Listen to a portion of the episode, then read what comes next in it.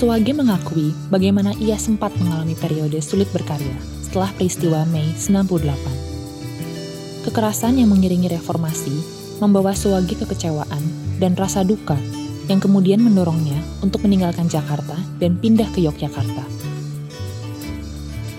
Karya Pressure and Pleasure dibuat pada tahun 1999 menjadi salah satu karya penting yang dibuat dalam periode ini. Suwagi bercerita, pada saat itu, meski sebagian kota masih terbakar, kerusuhan ini tidak menghentikan sejumlah area hiburan, seperti tempat karaoke yang kembali dibuka. Ada banyak tenda yang tersebar di pinggiran jalan. Situasi serba tidak menentu.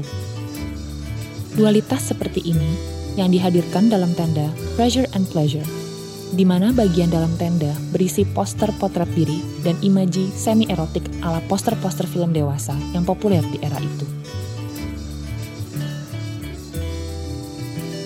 Sementara itu, karya Maka Lahirlah Angkatan 90-an yang dibuat tahun 2001 adalah apropriasi swage dari lukisan S. Sujoyono berjudul Maka Lahirlah Angkatan 66 yang dibuat pada tahun 1966 dan saat ini juga dipamerkan sebagai bagian dari pameran pose di Galeri 2. Kedua karya ini mengambil latar belakang masa-masa perubahan sosial besar di Indonesia.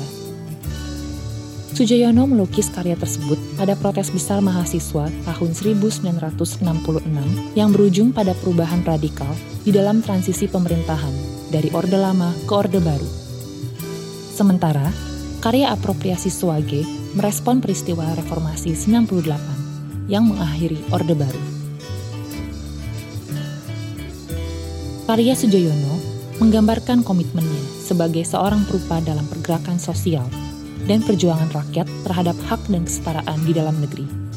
Sementara, karya Suwage memperlihatkan pandangan dari generasi yang berbeda dalam menyuarakan perubahan sosial, serta bagaimana periode reformasi kemudian memunculkan kesempatan-kesempatan baru yang dipengaruhi globalisasi.